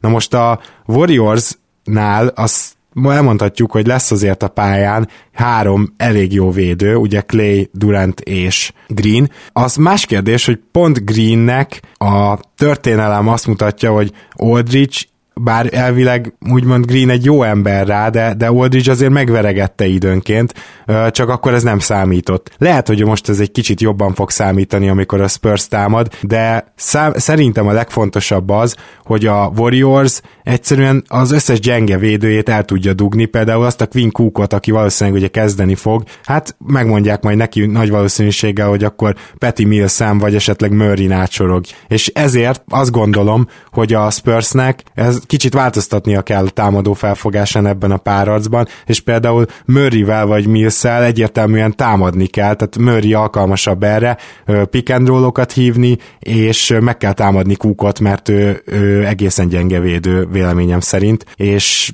még a másik, ami érdekes lehet, hogy mennyire smallballoznak, mert kinézem Popovicsból, hogy megint elkezdi használni Gasolt, ami teljesen valószínűtlenül hangzik ugye a Golden State ellen, de tegyük hozzá, hogy nagy valószínűséggel, mivel nincs elég wing játékos a Golden State-nél, azért ők is kénytelenek lesznek Pacsuliát és Meggit is viszonylag rendes ideig a pályán hagyni, úgyhogy nem biztos, hogy ezt most annyira meg tudja büntetni a Golden State, mint hogyha mondjuk ott lenne Curry is. Igen, egyetértek, és a, a másik problémám az egész meccsappal kapcsolatban itt a Spursnél, hogy nem tudom mióta talán az utóbbi két évtizeden először felmerül az, hogy, hogy hiába védekeznek jól majd, mert ugye ezt szinte garantáltjuk, hogy Pop csapata jól fog védekezni, egyszerűen nem lesz annyi tűzerő, hogy, hogy túl tudják dobni ezt a Warriors. Ugye említette Gergő, hogy, hogy 107-es, 108-as offenzív ratingük volt körivel, ami persze azt jelenti, hogy mondjuk a liga első vagy második legjobb offenzéből ilyen hetedik, nyolcadik legjobb offenz lesz, amikor Curry nem játszik. Az, ez azért egy elég jelentős visszaesés, de, de ahhoz meg pont elég, hogy, hogy ez a 107-108-as offenzív rating is és ez, ez az offenzív talent, ami ott van a, a Warriors line még Curry nélkül is, ahhoz azt hiszem pont elég lesz, hogy túldobják ezt a, ezt a Spurs-t jó pár meccsen, és tényleg az kell majd valószínűleg hogy legyen esélye Spursnek meccseket nyerni, hogy Eldridge legyen a legjobb a pályán, a legjobb játékos a pályán azon a mérkőzésen. Nem tudom, hogy ez hány meccsen jöhet össze. Lehet, hogy egy-kettőn igen, de azért meglepne, hogyha, hogyha ennél többször összejön. Ettől függetlenül a Warriors nagyon sebezhető, ez, ez teljesen egyértelmű. Igen, egyébként, amit mondhatok, az, az körülbelül az, amit én is gondolok. Annyit egészíteném ki Gábort, hogy mondta, hogy nincs egy alap kezdőötös, amiből ki lehet indulni. Ez ugye most már már kialakult, és, és ez az új kezdőötöse a, a San antonio nagyon jó számokat hoz, tehát ugye ez, a, ez az új ötös, ami már most van egy ideje, be 21 meccse talán, vagy valami ilyesmi óta kezdőként is van. Ez a uh, Murray, Green, Mills, uh, Anderson és Aldridge ötös. Ennek például a net ratingje már 13,1, és 107-es offenzív rating mellé 94-es a defensív ratingjük, ami ugye egy nagyon komoly szám, és e- ez, ez az ötös szerintem már adhat bizakodásra okot. Ugye nagyon fontos lesz szerintem az egész párharcban, és ez nagyon furcsán hangzik, az, hogy Peti Mills milyen formában van. Ugye nagyon sok San Antonio szurkoló nem szereti, és én is egyetértek velük abban, hogy nagyon alaposan túl lett ő fizetve, Viszont azt látni kell, hogy amikor neki megy a dobás, akkor a csapatnak is megy, amikor neki nem megy, akkor a csapat általában bukik. Óriási a különbség a win és a győzelmek és a vereségek közötti számai között. Amikor győz a csapat, akkor 40%-kal dobja a triplát, 60%-os a TS-e, mikor kikap a csapat, akkor 30%-kal dobja a triplát, és csak 48%-os a TS-e. Úgyhogy ezen is látszik, hogy Millsnek ez, hogy mivel nincsen gyakorlatilag Oldijon kívül más, aki valamilyen szinten is a támadásban tudna energiát hozni, nyilván kivéve néhányszor Ginobili, de azért őt, őtől ne várhatjuk el ezt, bár már ki tudja az utóbbi időben, amilyeneket ő most bemutat, de az, az látszik, hogy Mills nagyon kell ennek a csapatnak, mert a védekezés az meg lesz, viszont a támadás az, az kérdéses. A védekezésük az ugye megvan, hiszen ott van Dejonté, és ott van Anderson, akik Popovics újabb találmányai, mind a ketten gyakorlatilag all defensív csapattagok lehetnek idén. Murraynek olyan számai vannak, hogy ez valami egészen elképesztő. Ja, hát irányítótól ilyet nem is tudom, mikor láttam utoljára. Tehát én most megnéztem, hogy mióta bekerült a kezdőbe, azóta, hogyha ő fent van a pályán, akkor 98-as a defensive rating, mikor nincs fent a pályán, akkor 106-os. Tehát ez egy óriási nagy különbség. És igazából ilyen szinten még azt sem tudom, hogy hogy őt kire fogják rátenni, mert Cookon elpocsékolni őt lehet, hogy sok lenne, viszont azt nem tudom, hogy Clay ellen mennyire működne az ő védekezése, és éppen ezért lehet, hogy ez a védekezésben egy plusz ebben a párhazban pont nem fog tudni kijönni. Igen, pont, pont ugyanez ezen gondolatok jutottak eszembe, illetve amit még megemlítenék, hogy a Warriorsnál tényleg fontos lehet az, hogy, hogy Cook tudja hozni ezt a, ezt a Curry Lightot, de Murray ellen ez tényleg borzasztó nehéz lesz. Hát és Green ellen is, hogyha Murray esetleg Clayt fogja, szóval én Cookot gyakorlatilag már most eltemetem erre a párharcra. Igen, én is annak ellenére egyébként nagyon jól játszott, és az szinte egyértelmű, hogy kiharcolt magának egy elég jó szerződést a jövőre nézve. Meglátjuk, hogy, hogy milyen rotációkat játszott kör azt gondolom, hogy azért ő lesz az, aki diktálja majd a, a, a párharcot, és, és Pop fog uh, reagálni erre. A, a Spurs keret jelen pillanatban olyan, hogy nem igazán adja meg azt a szabadságot, azt a variációt Popovicsnak, ami egyébként meg lenne. Mind minőségben, mind pedig mélységben ez, ez a Spurs sajnos valószínűleg az utóbbi 20 év leggyengébbje, így Kawai nélkül. És az azért szomorú egyébként, mert uh, ugye Kawai köré lett építve ez a keret tulajdonképpen az elmúlt években, és, és ha ő játszana és teljesen egészséges lenne, akkor azt gondolom, hogy, hogy egyértelműen a Spurs ez esélyes, bár lehet, hogy össze se jött volna ez a párharc, mert akkor biztos, hogy minimum harmadikok lettek volna. Hát igen, alapból ez ott van. Ami viszont nagyon érdekes lehet, hogy ugye említettem azt, hogy nem igazán van mélység a Warriorsnál wing pozíciókban. Ez annyira igaz, hogy könnyen lehet, hogy itt majd kell játszatni egyrészt azt az Igúdelát, aki hát én szerintem a bajnoki években majdnem azt mondhattuk hogy miatta, hogy nagy ötöse van, a, mert ugye ő eléggé alulértékelt ilyen szempontból, de mindenképpen elképesztően fontos volt, és különösen a playoffban a Golden State-nek. Ő idén azért hatalmas, hatalmasat bukott, most már lassan utoléri szerintem a kor is, és hát a dobása is kezdi elhagyni, ami ugye sose volt igazán az erőssége, és hát emellett pedig, tehát még egy dolog, mert őt azért még védekezésben mindig azt, azt mondom, hogy, hogy inkább plusz, de lehet, hogy sokat kell játszatni majd Nick Youngot. Na, ő viszont olyan kategóriájú védő, aki egyedül tönkre tud tenni egy egész védekezést. Tehát, hogyha ő pályán van, az védekezésben gyakorlatilag, nem tudom, net ratingben szerintem biztos vagyok benne, hogy mínusz hatos, de majd a Gergő egyszer megnézi. És hogyha mondjuk például Nick Youngot sokat kell játszatni, az a Spurs malmára hajthatja a vizet. Úgyhogy én Popovics mindenképpen megpróbálnám ezt elérni. Hát ennél okosabbat igazából lehet, hogy nem lehet mondani, mert hát egy egyző legenda és egy jelen jelenleg nagyon jó egyző csap össze, úgyhogy én szerintem itt nagyon sok mindent várhatunk olyan szempontból is meccsről meccsre, hogy akár kezdők is változhatnak, akár rotációk is, lehet, hogy már az első meccsen változnak majd rotációk, szerintem elképesztően sok ilyen kis manőverezés lesz majd az egyzők részéről, úgyhogy e, ilyen szempontból a meccsapokra kénytelenek leszünk visszatérni majd, amikor a következő elemzésünk lesz bármi, amit még hozzátennétek, mi előtt esetleg jósunk. Nyilván nagyon leegyszerűsítve azt lehetne mondani, hogy a a kulcs az, hogy, hogy Durant úgy játszana, hogy az MVP formában játszott, legyen ő az egyértelmű vezér, és ha ő beteszi azt a, azt a 30 pontot 60%-os TS-sel, akkor már nagy baj nem érheti a, a Warriors-t, én azt gondolom, mert egyszerűen nem fogja tudni túldobni a Spurs ezzel a jelenlegi line és kerettel. Illetve van még egy dolog, amiről beszéltünk, itt Gergővel ez felmerült, amikor éppen nem voltunk adásban, hogy ami miatt mégis van egy ilyen félsz bennem, hogyha a Warriors szemszögében gondolkodom, az az, hogy több ilyen aggasztó nyilatkozat, mozzanat volt az utóbbi hónapokban, amiről akkor Gergő mondta egy pár szót, mert, mert azt gondolom, hogy ha így összerakjuk ezeket, lehet, hogy külön-külön nem feltétlenül kapnánk fel a fejünket ezekre, de így együtt én, én úgy érzem, hogy jelentenek valamit.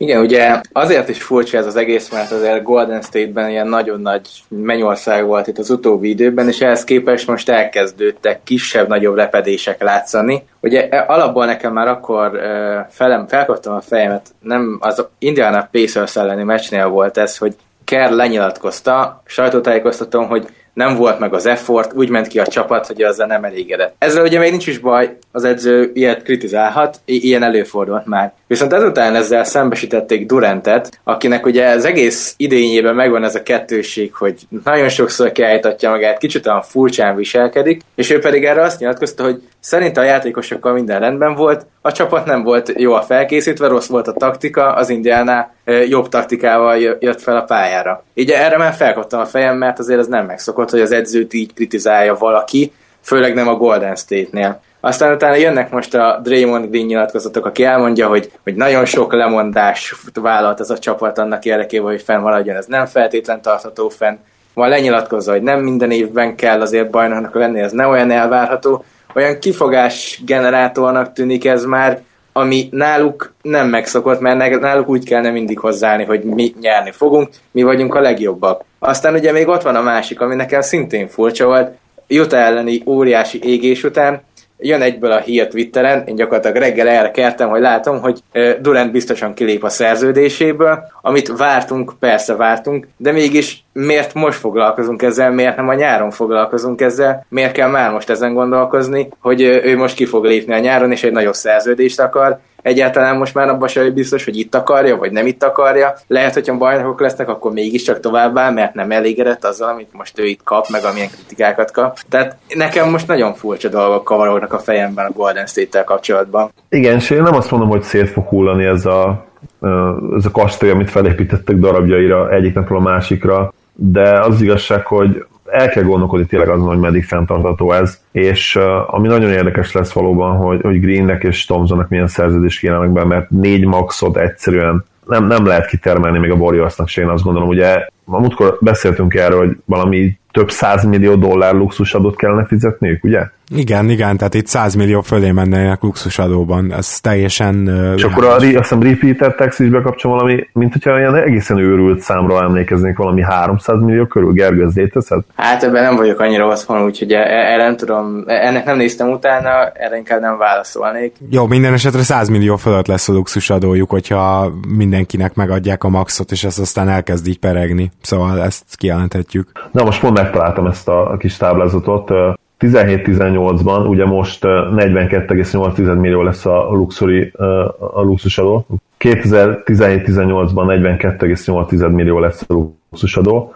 Hogyha most megadják majd az egyik maxot, akkor 18-19 már 90 fölé mehetnének, és utána gondolom, akkor bekapcsol ugye a, a repeater tax, és 19-20-ban, ha megtartanak a négy, minden négyet maxon, akkor 198,6 millió lenne csak a luxusadó, és 2020-21-ben 222,7 millió lenne a luxusadó. És akkor uh, totál kiadásokban 400 millió dollár fölé mennének egy évre. Tehát azt gondolom, hogy ez lehetetlen, amikor egy franchise, a kisebb franchise-ok ugye ilyen két milliárd dollár körül érnek, akkor ez azt jelenti, hogy egy kisebb franchise értékének majdnem a 25%-át kifizetnék egy évben. Ez, ez lehetetlen. Biztos vagyok benne én is, hogy lehetetlen. Kíváncsi vagyok, hogy ez hogy alakul, de most maradjunk akkor ennél a párharcnál, és tippeljünk. És én kezdem is rögtön a tippelést.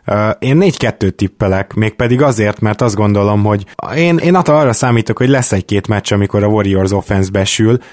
A Spurs valószínűleg a védekezést azért végig nagyon jól tudja majd tolni, és minden azon azon múlik, hogy az első két meccsből hozzá a Spurs egyet, mert akkor, akkor egy nagyon-nagyon jó kis párharc elé nézünk, és én azt gyanítom, hogy igen, tehát én most arra tippelnék, hogy el fog hozni egy meccset a Spurs, akármilyen gyenge volt idén idegenben, és ezért 4-2-t tippelek. Én is a 4-2-vel szemezgetek, megmondom őszintén, nehezen tudom elképzelni, hogy ugye kicsit revidiáltam itt az álláspontomat tegnap óta, akkor ugye azt írtam a, a csoportban, hogy nem volna, hogyha nyerne a Spurs, és kiestem a Warriors, és tényleg nem volna, mert Curry nélkül én azt gondolom, hogy teljesen más csapat, de így megnézem a csapokat, és, és tudva azt, hogy, hogy igazából az offenzív rating az azért annyira nem zuhant össze, hogy ez a 108-as azért mindig top 10 lenne, és az effort nyilván védekezésben azért meg fog változni a play úgyhogy ennek alapján én is azt gondolom, hogy hat meccsen azért tovább fog menni a Warriors. Itt tényleg Popnak élete, élete szériáját kéne futnia, mint edző, és totálisan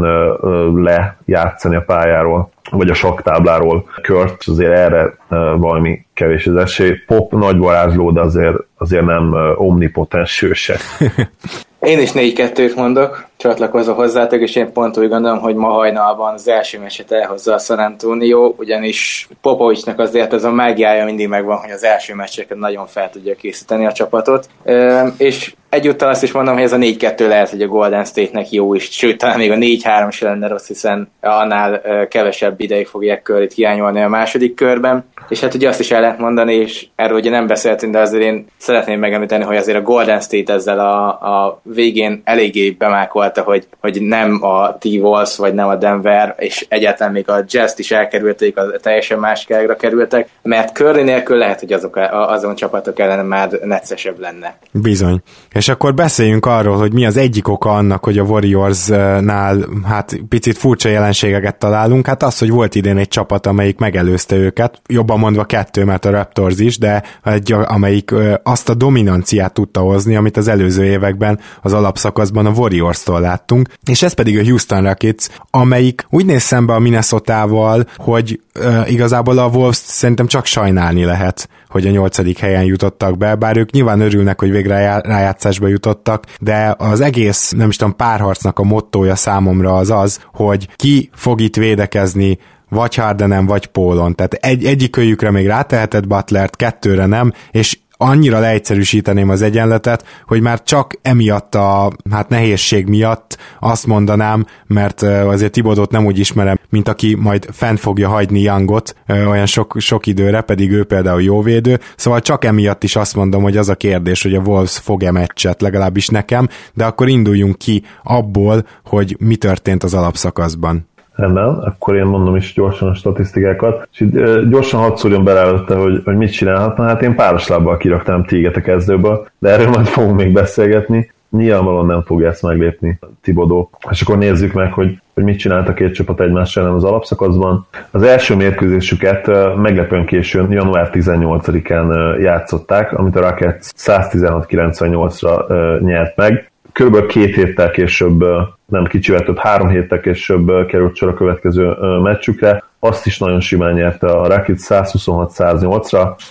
A harmadik meccsüket február 23-án megint 18 pontos különbséggel nyerte a Rockets 120-102-re, és tulajdonképpen csak a negyedik mérkőzésük volt valamennyire szoros, amit 129-120-ra nyert meg a Rockets, tehát még azt is majdnem 10 ponttal, és hogyha ha megnézzük a box score akkor el tudjuk mondani, hogy igazából ezen a mérkőzésen is volt, volt lényegesen nagyobb különbség nem néz ki jól ez a meccsap a Wolves számára, ezen mérkőzések fényében sem. Egyébként az előbb Youngot mondtam, Tyus Jonesra gondoltam természetesen, csak ez gyorsan hagy fűzzem bele, és teljesen egyetértek, hát ez elég szörnyen néz ki, és szerintem itt nyugodtan ki is indulhatunk az alapszakaszbeli ütközetekből, mert hogy a Wolvesnak még Butlerrel is csak egy közepes védelme van, és az kevés egyszerűen Houston offense ellen, ami hát egészen történelmi kategóriákat döntögetett ugye idén. Szóval... Igen, de... és a, hogy már erről is beszélünk, szerintem a másik probléma az az, hogy érdekes módon védekezésben is nagyon jó meccsapjai vannak a Rocketsnek a wolves tehát még ott is kihúzhatják a, a farkasok méregfogát. Tényleg itt, azt gondolom, hogy, hogy nehéz lesz majd olyan saving grace-t találni a, a Wolvesnak, ami azt mondhatja számukra, hogy bármiféle esélyük lenne. Lehet, hogy tényleg itt arról kell majd beszélni, hogy hogyan foghatnak egy meccset. Igen, én is egyetértek ebbe, és sajnálom is egyébként a, a t t Szerintem körülbelül a lehető legrosszabb párosítás jött ki, és ez egy, együtt egyébként még azt is elmondanám, hogy ennek ellenére a Houston is a lehető legnehezebb ellenfelét kapta meg ahhoz képest, hogy elsőként jöttek be, de mégis, mégis ugye nagyon furcsa anomália, hogy ennek ellenére is torony magas esélyesek. Ugye a Minnesota-nak a, a legnagyobb problémája az az, hogy nincsen triplája és hát azért egy Houstonnal, amelyik nagyon jól tud védekezni belül is, tripla nélkül őket nem lehet megvenni, és idén triplából mind a négy meccsen olyan szinten verték el a, a Minnesota-t, hogy gyakorlatilag azon múlt az egész meccs, hogy képtelenek voltak triplát dobni a minnesota a Houston pedig csak úgy ment el, és egyre csak nagyobb lett ugye az olló a két csapat között. Én megnéztem egyébként azt is, hogy egy teljes képet kapjunk, ugye mind a kettő csapatnál voltak sérülések. Egyrészt megnéztem, hogy amikor a Paul Harden Capella trió játszott játszott, akkor mit is tudott felmutatni ez a Houston, és hát egyébként brutális, tehát 42-3-at hoztak ezeken a meccseken. Hát alapból azért elég jól hangzik. Az, egy, az a szerényen megsemmisítették volna a Warriors 73-9-es rekordját. Igen, Igen és ugye egy, egy vereség az OKC ellen az már most volt, amikor már ilyen kicsit visszafogottabban az OKC meg még nagyon ment a playoffért. Ugye az offenzív ratingjük a 116-os volt ezeken a meccseken, a defensive ratingjük is 104-es, uh, tehát kettő, úgyhogy ez, ez a trió, ez, ez még mindig nagyon brutálisan hangzik, és ez majd akár amikor már a következő körökben nézzük, akkor is nagyon fontos lehet, és nagyon fontos lehet, hogy a playoffban mi lesz ez jó. Igen, bocsánat, kis lábjegyzetként hadd szúrjam ide, hogy ugye ez a plusz 12-es net rating, ez, ha ezt így felszoroztuk volna egy egész szezon, ez mit jelent? Az NBA történelmének legjobb csapatai ilyen 8-9 környéken szoktak lenni, például a 96-os Bulls ha jól emlékszem, ilyen plusz 8 környéken volt, sőt a 2016-os Warriors is, ha jól emlékszem, nem tudott 10 fölé menni, ha jól emlékszem, ilyen 9 valamennyi volt és hát tényleg mindent elmond ez, ez erről a trióról, és, és arról, hogy a Rockets idén mennyire elképesztően domináns volt. Tényleg azt érzi az ember, hogy még ezzel a 65 győzelemmel is egy nagyon picit alul teljesítettek az alapszakaszban. Igen, egyébként én ezt mondtam is, hogy szerintem, hogyha Polnak, illetve Hardennek is nem lettek volna ezek a sérülései, akkor akár arra is esélyesek lettek volna, hogy ott a 70 3-9-es Golden State rekordját ostromolják. Ugye egyébként annyit azért kiegészítenék Zolival, Zolinak a mondandójával, hogy abban az évben azért a Warriorsnak 11,6-os volt a net ratingje, tehát azért az... Hoppá, igen, na, akkor az... És, és ami nagyon érdekes, hogy abban az évben a Spursnek még jobb volt, 11,8. Az a Spurs védekezés, az mondjuk nem volt egyszerű. Úgyhogy igen, egyéb, de ez mind a kettőnél jobb egyébként, tehát ez a, ez a t Ak- Akkor nyert 68-at a Spurs, azt hiszem, ugye? Igen. 67-et. 67-et. Az egy elég erős volt, igen, akkor. De egyébként ugye mind a kettőnél jobb a Houston, tehát ebből is le- lehet látni, meg hát ugye ez a mérleg, ez a 42-3, és ez a három vereség is borzasztó szoros meccseken. Nyilván nem lehet egy teljes szezonra kivetíteni, de azért, azért, hogyha belegondolunk, ez minden idők egyik talán legjobb, legjobb alapszakasza volt. Ennyi sérüléssel szerintem ilyen durva dominanciát még senki nem tudott bemutatni hogy a, vé- a támadásuk konkrétan szerintem azelőtt, mielőtt most elkezdték kiültetni Polt, meg Hardent, meg az egész csapatot, meg még amikor pályán voltak, akkor sem nagyon koncentráltak már, bőven a legjobb volt az egész liga történetében. Most már visszaestek azt hiszem az ötödik helyre, de hát még mindig azért, azért az ötödik helyre csak azt tudjuk mondani, hogy ez igen. A másik oldalra pedig még csak azt akartam mondani, hogy a T-Wolfsnál ott ugye azt kell nézni, mikor volt Butler, mert neki a hatása a csapatra az óriási, és ezeken a meccseken 37-22-t hozott a, a T-Wolves, ez százalékosan egyébként a harmadik helyre lett volna jó a nyugaton, és plusz 5-ös a net ratingjük, 111,3 az offenzív rating, és 106-os a defensív ratingjük, ami egy középcsapatnak a védekezése, ami ahhoz képest, hogy a nélküle meg úgy egész szezonban nézve ez egy liga legrosszabb védekezései között volt,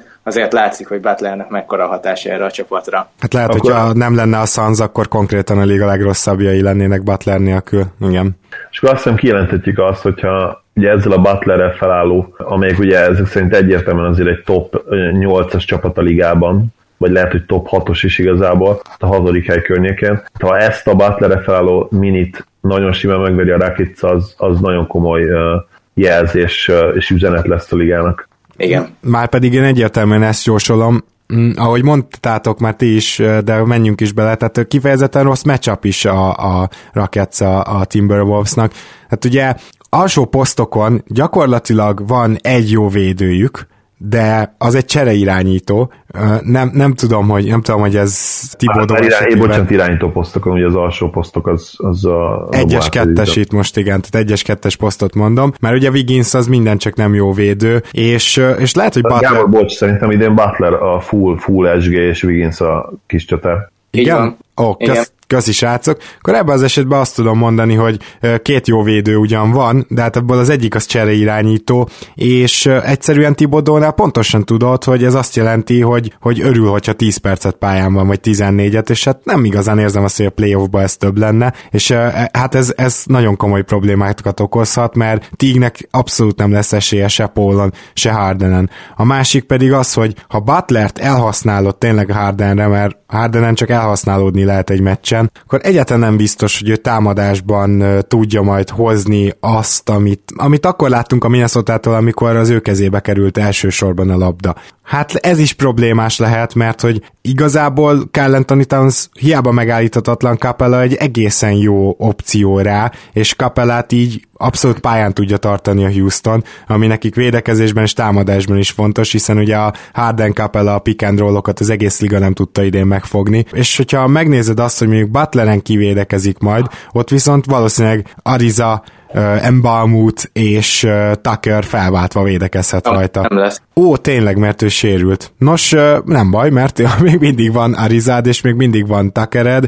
Tígen is van gyakorlatilag egy Chris Paulod, úgyhogy, úgyhogy itt az egyetlen kérdés tényleg az, hogy majd Hardent védekezésbe hova dugja el vajon a Houston és D'Antoni. Láttunk már olyat ugye, hogy a négyes poszton védekezik Harden, meg hát a Houstonnál szinte mindegy, mert mindent elcserélnek. Akárhogy is nézem, annyira problémás a matchup a Timberwolvesnak, hogy még az is csoda lenne, hogyha 110 alatt tudná tartani bármelyik meccsen a Houston-t. Igen, egyetértek. Nyilván az alapszakaszból nem mindig lehet kiindulni, de most ez tényleg az az, az eset, ahol ahol ez lehetséges. Hát meg a Houstonnak a támadó rendszere az egy pillanatra nem fog megváltozni azért, mert most jön a playoff. Azt Igen, egyébként nekem egy, egy aggodalmam van, az az, hogy a Rocket triplázói idén, idén zseniálisak tényleg, és Harden is nagyon jól dob, ugye végre megint ilyen 37%, 38% környékén van. Paul is ugye kevesebb kísérlettel, de azt hiszem, hogy karrier tripla szezont hoz le. Viszont Viszont nem nagyon van úgymond natural shooter ugye a, a line és még, még talán Gordonra sem mondhatnánk ezt, én azt gondolom, mert neki is egy jó pár, bőven 40% alatti szezonja volt. Esetleg annyi veszély lehet, hogy, hogy így nagyobb lesz szerintem a fluktuáció, mint mondjuk egy Warriorsnál. Hogyha, hogyha megnézik az alapszakaszban a, a tripla százalékokat, a Rockets csak a 14. helyen volt ebben, ebben az évben, 36,2 százalékkal. Ugye van egy rakás olyan dobójuk, akik, akik ilyen 36-7 százalék környékén tudják dobálni a triplát, és rengeteg triplát elválnak, ugye a meccsenként 40-et. Ugye erről azt kell tudni, hogy a mögöttük lévő második helyezett, aki azt nem a Warriors, hanem egy másik csapat. A Nets, hogyha tippelnem kéne, de mindjárt megnézem neked. Hát az a csapat 29 kísérlete van, tehát több mint 10, 10 a különbség, ugye Harden is hajlamos volt arra a múltban, hogy lehozni ilyen 1 per 10-es tripla meccseket. Ugye Chris Paul nagyon szépen megtanult triplázni a karrier során, de ezért tényleg ő se az a természetes ösztönös tripla dobó. Gordon szintén nem ez, és tényleg Anderson gyakorlatilag az egyetlen, aki, aki stabilan egész pályafutása alatt tripla specialista volt. Tehát nekem tényleg ennyi a, a problémám a Rakica, hogy, hogy egy-egy meccset esetleg derültékből villámcsapásként elveszíthetnek úgy, hogy mondjuk ilyen 20%-kal tripláznak, és hogyha 40 kísérlet mellett triplázol egy meccsen 20%-kal, akkor arra bizony rámert egy-két mérkőzés. Nem volt még tényleg csapat, amelyik ennyi triplát elvállalt volna ilyen százalékkal, és tudjuk azt, hogy ez a tehát analitikus gondolkodásra nézve ez jó, mert ez a, ez a 36 százalékos csapatszintű triplázás 40 kísérlettel, ilyen őrült sok kísérlettel még mindig bőven kifizetődő, hiszen ugye ez azt jelenti, hogy, hogy bőven 50% feletti kettesek. És ráadásul ugye a Rákicban még az a különleges, hogy ők midrange középtávoli dobásokat sem vállalnak el szinte, és nagyon sokat tudnak érni a vonalhoz. Úgyhogy ezek miatt ennyire hatékony a, a Rockets, csak az mondjuk felmerülhet esetleg kérdésként, hogy, hogy a playoffban, ahol azért megváltozik kicsit a játék, a fújások nem jönnek olyan könnyes, ugye itt Harden tekintetében fontos ez például. Picivel lehet, hogy nehezebben fognak jönni ezek a fújások, de mondjuk itt meg nagyon sokat segít, segít a Rockets jelenlegi státusza, és az, hogy Harden uh, sima MVP lesz, és, és az, hogy ebben azért nagyon sokat fejlődtek szerintem, és ez segíteni fog abban, főleg ugye Chris Paul jelenlétével együtt, hogy megkapják azokat a fújásokat, amik bizony ennek a csapatnak nagyon fontosak lesznek. És itt nem azt mondom, hogy ezek érdemtelen fújások lesznek, de azért kell a státusz, megkap ezeket a, a play is. És korábban ez Hardennek probléma volt, azt várom, hogy idén már nem feltétlenül lesz az, és tényleg uh, meg fogja kapni ezeket a fújásokat a, a rájátszásban is. Hát ebben a meccsabban meg különösen, mert ugye például ami, ahogy a Toronto megverte a houston csapatát, az arra épült, hogy a Raptorsnál a center az teljesen visszavonult a gyűrűig, mert hogy úgyse dobják el a középtávolit, és akkor a gyűrűnél ment a légvédelem, amiben Valanciunas is meglepően jó, csak mondom, nemrég láttam ilyen rim protection százalékot, Pöltől meg elit. Na, Carl Anthony Towns meg nem, sőt, ő kifejezetten szeret ilyenkor faltolni, ami még nagyobb probléma lehet, hogy ha Harden majd jön rá, és akkor valahogy a gyűrűnél meg kéne őt állítani, és beszed két-három faltot, akkor még a szerencsétlen Minnesota támadásából is kiveszik egy fontos elem, mert ha már emlegettük azt, hogy a Houston dobja rá a legtöbb triplát, akkor gyorsan említsük meg, hogy a Minnesota pedig a legkevesebbet, ugye kevés old school egyző van Tibbsnél, és hát a abból még kiesik egy 42%-os magas tripla dobó, na ott szerintem nagyjából véget is fog érni a minnesota az egyébként nem rossz támadó játéka, úgyhogy szinte nem tudok okot mondani szinte, szinte 6-7 féleképpen is meg tudja nyerni a meccseket a Houston, és bár egyetértek azzal, amit mondtál Zoli, hogy itt be, be fog esetleg esni egy-egy rossz tripla százalékos meccs, de a Houstonnak még a védekezése is van olyan szinten, hogy ez kompenzálja, úgyhogy én 4-0-át tippelnék itt, hogyha már elérkezzünk így a tippelés idejéhez. Gergő, te mit tippelsz, és ezt mire alapozod? Én négy egyet mondok a Houstonnak nyilván, ugyanis én úgy gondolom, hogy azért lesz meccs, amikor például Townsra nem lesz válasz, mert azért Townsnak mostanában voltak nagyon komoly meccsei, és azért így a meccsapokat elnézve, meg azt, hogy hogy teljesítettek az alapszakaszban, azért az látszott, hogy hiába elviekben kap el a jó védő Carl Anthony Townsra, gyakorlatilag 100 pozícióra nézve 40 pontot átlagolt ellene, tehát az látszik, hogy csak elviekben jó, legalábbis egyelőre úgy tűnik, illetve az is látszik a meccsapokban, hogy Butler viszont kifejezetten jól védekezett. Hardenen, Harden több mint 5 ponttal volt rosszabb, mikor Butler fogta, mint egyébként. Úgyhogy, úgyhogy talán ebbe a kettőbe kapaszkodva egy meccs, egy meccsen mondanék a t ennél többet azért nem látok bele, de hogyha ne adj Isten, és most ezt inkább, mint hogy a Houston szurkolóknak a fejéből mondom, ha Hardennek megint csak történne valamilyen kis playoff összeesés, akkor akár még a szoros meccs is benne lehet, mert, mert szerintem, hogyha Harden sem jó, illetve Baumot kiesett, és őnek egyébként szerintem nagyon sokan nem látják, hogy mekkora jelentősége van, akkor akár még azt is be tudom képzelni, hogy 2-4-3 is lehet belőle. Hoppá, hát Gergő engem arról mindenképp meggyőzött, hogy ne 4 0 mondjak, és akkor én is szerintem csatlakoznék hozzá, és 4-1-et mondani. Azért engem nagyon meglepne, hogyha, hogyha a Wolves kompetitív tudna lenni az egész párharc alatt, de, de tényleg azért annyira sajátságos ennek az idei Rocketsnek a stílusa, és, és annyira újszerű is, még a mai NBA-ben is, tehát ugye senki nem, tehát a sok tripla az adott volt az elmúlt évben, minden évben nő és nő ugye a, a triplák száma a csapatoknál és úgy liga szinten is, de, de ez hihetetlen nagy ugrás, és a Rakic már közel lehet ahhoz a, ahhoz a ponthoz, amikor már nem biztos, hogy megéri ennyi triplát rádobni. Azt gondolom, hogy 40 az még, az még belefér, és, és az még valószínűleg inkább a pozitív oldalra dönti el a mérlegnek a serpenyőjét, de, de azért közel lehetnek hozzá. Tehát olyan 45-46 kísérletnél lehet szerintem valahol ez a, ez a cut-off point,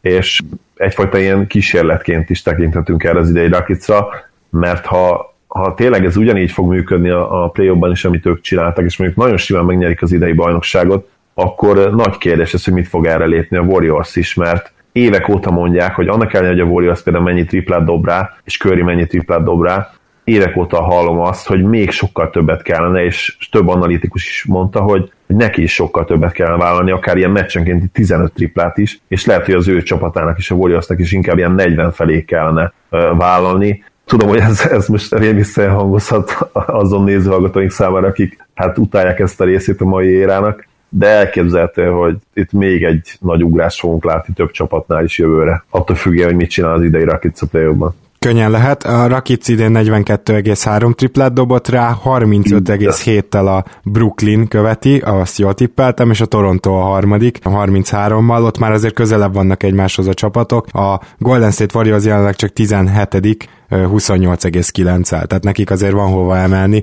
ha bár a körrendszer az nyilván nem bír el azért 40 triplát, ezt tegyük gyorsan hozzá, meg Durant is annál sokkal több középtávolit fog neked eldobni. Na de akkor térjünk át az utolsó párharcunkra, amelyik Hát mondtunk már egy, az előző adásban is, hogy, hogy van olyan párharc, amit nehéz megjósolni, hát nekem ez az. Tehát a, a Boston és a Bucksnak a, a párharca az, ahol összecsap a rendszer a talenttel, és eddig általában a talentet hoztuk ki jobbra. Az OKC-nél például mindenképpen ez volt ugye a jazzzel szemben, és igazából a Miami Philadelphia matchupnál is azt kell, hogy mondjam, hogy arra jutottunk, hogy nem a Miami rendszere nyer majd de ez persze csak tip szintjén. Viszont itt meg elvileg a rendszer nyer majd a több talent felett, mert az egészen egyértelmű, hogy a legjobb játékos az a Bucksban lesz, és hogyha a Horfordot mondjuk odarakjuk, akkor lehet, hogy a második a Bostonban, de aztán könnyen lehet, hogy a harmadik és a negyedik megint a Bucksban, tehát lehetne azzal érvelni,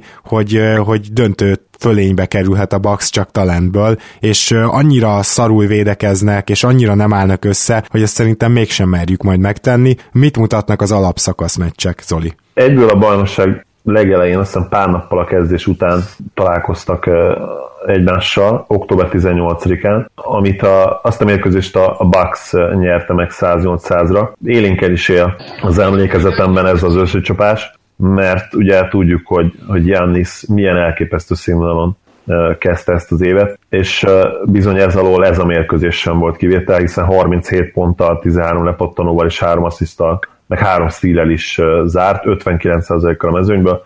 Gyakorlatilag a, a mérkőzés legelejétől ráerőltette az akaratát a Celtics-re, nem igazán volt rá válaszuk. Aztán ugye a, a második összecsapáson már ez borult, és ott kezdett már kijönni Stevensnek a, a hihetetlen munkája, amit minden valószínűség, valószínűség szerint az off-season alatt követhetett el, mert hát ugye sokkolt minket a Celtics az év elején, hogy mennyire jó lett hirtelen a védekezése, hiszen emlékezhetünk rá, hogy tavaly, és azt hiszem, mert tavaly előtt is talán bizony szítuk stevens vagy ha nem is szítuk, de legalábbis feltettük azt a kérdést itt Gáborra többször, hogy hogy most akkor, ha ő ennyire jó edző, mint amilyen, miért nem tudja összerakni a védekezést? Ugye tavalyi évben például pocsék volt a, a Celtics védekezése. Bradley-vel, Crowderrel, tehát abszolút jó emberanyaggal volt pocsék ráadásul. Így van, pontosan, és ugye pont emiatt is ez, ez is lett végül a csapat veszte.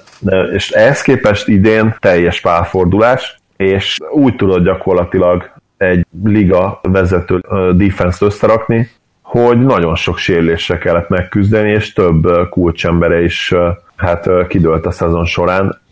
Ugye a legelső szegény Hayward a, a legelső meccsen a, a szezonnak, a Cavs ellen, aki egyébként nagyon fontos láncszeme lett volna ennek a csapatvédekezésnek, mert az utóbbi években ő ebben nagyon sokat lépett előre. Na de hogy uh, folytassuk ugye itt a, a Milwaukee Celtics alapszakasz párharc elemzését.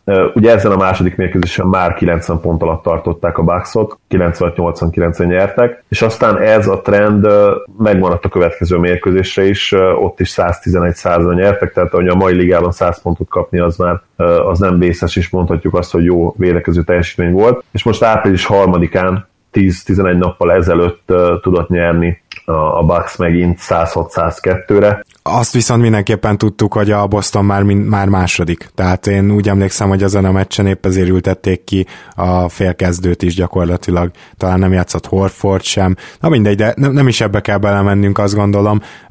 De akkor felteszem a kérdést, hogy mibe, Gergő, te miben látod ennek a párharcnak a kulcsát?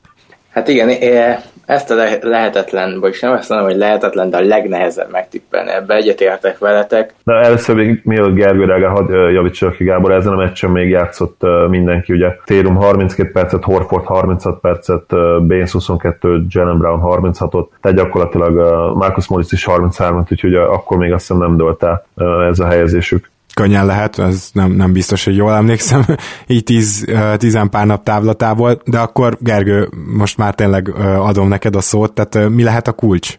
Igen, tehát nagyon nehéz megtippelni ezt a párharcot, főleg azért, mert ez a Boston, ugye Egyrésztről, hogyha ránézünk most már tényleg a keretükre, akkor azt mondanánk, hogy hát, hát azért ez nem, nem, nem egy olyan csapat, amelyik meged, amelyik az első körben tovább jutna. Aztán utána belegondolunk, hogy mi történt velük idén is, hogy Stevens gyakorlatilag már a takarítónőkkel is meccseket nyert, akkor elkezdjük őket túlbecsülni, hogy hát akkor valószínűleg most is sikerülni fog nekük, és nem nagyon lehet őket meghatározni, hogy most akkor melyik is az igaz. Ne higgyünk annak, ami így a keretre ránézőre első leszünk jut, vagy annak higgyünk, ami a megérzésünk az alapján, hogy mit hoztak idén. És éppen ezért úgy gondolom, hogy nagyon nehéz őket belülni, viszont szerintem már ennyi sérültet ők se fognak elbírni. Én ugye mondtam ezt nem is olyan régen, csoportba is írtam, hogy, hogy Irving még önmagában nem lett volna probléma, ugyanis Rozier tudta őt nem is tökéletesen, de e, egy ideig mindenképpen nagyon jól helyettesíteni. Aztán az utóbbi meccseken már ő is visszaesett, viszont nem is ez a fő problémám nekem, hanem Marcus más szerepe szerintem iszonyúan alá van becsülve ebben a Bostonban. Mindig azt láttuk, hogy amikor ő feljött a pályára, akkor megváltott a csapatjátéka, hogyha esetleg rosszabbul ment, akkor is ő képes volt arra, hogy annak ellenére, hogy egy borzasztó dobóról beszélünk, a támadás is beindítsa, és arra is képes volt, hogy nyilván a védekezésben gyakorlatilag szerintem körülbelül bárkire rá lehet állítani. Nyilván a centerek ellen nem lesz jó, de még ott is képes arra, hogy megnehezítse egy center életét is és ő, ő, ő szerintem nagyon fog hiányozni, és így, hogy már Irving sincs, Smart sincs, így viszont Rozier magában nem lesz elég arra, hogy ezt a kettő játékos pótolja, Úgyhogy még így is azt mondom, hogy van esélyük, viszont nálam már a Bucks az esélyesebb. Nálam is, főleg, hogyha megnézzük azért a, a meccsapokat. Nyilván azért a Boston egy csapatvédekezést csinál sok cserével, tehát nem az lesz feltétlenül, hogy itt majd Tatumnak kell levédekeznie Antetokumpot, de Tatumnak például muszáj lesz védekeznie valakin. És nem tudom, hogy majd lehet-e Tony Snellen pihentetni végig egy ilyen rendszerben, ahol, ahol folyamatosan cserélnek. Kérdés az, hogy a Bucks lesz annyira intelligens, hogy pick and roll-okkal ezeket a cseréket megcsinálja, és mismatcheket hozzon létre, mert én ebben látom a kulcsát, hogy, hogy valahogy a Boston védekezését meg tudják bontani. Ami nagyon érdekes számomra, az az, hogyha megnézed a lepattanózást, ugye a Boston az egy ilyen érdekes enigma volt, mert nagyon jól kezdtek lepattanózásban ebben az évben, és ennek köszönhetően a nyolcadik helyen fejezték be a szezon, de az inkább azért már a középmezőny.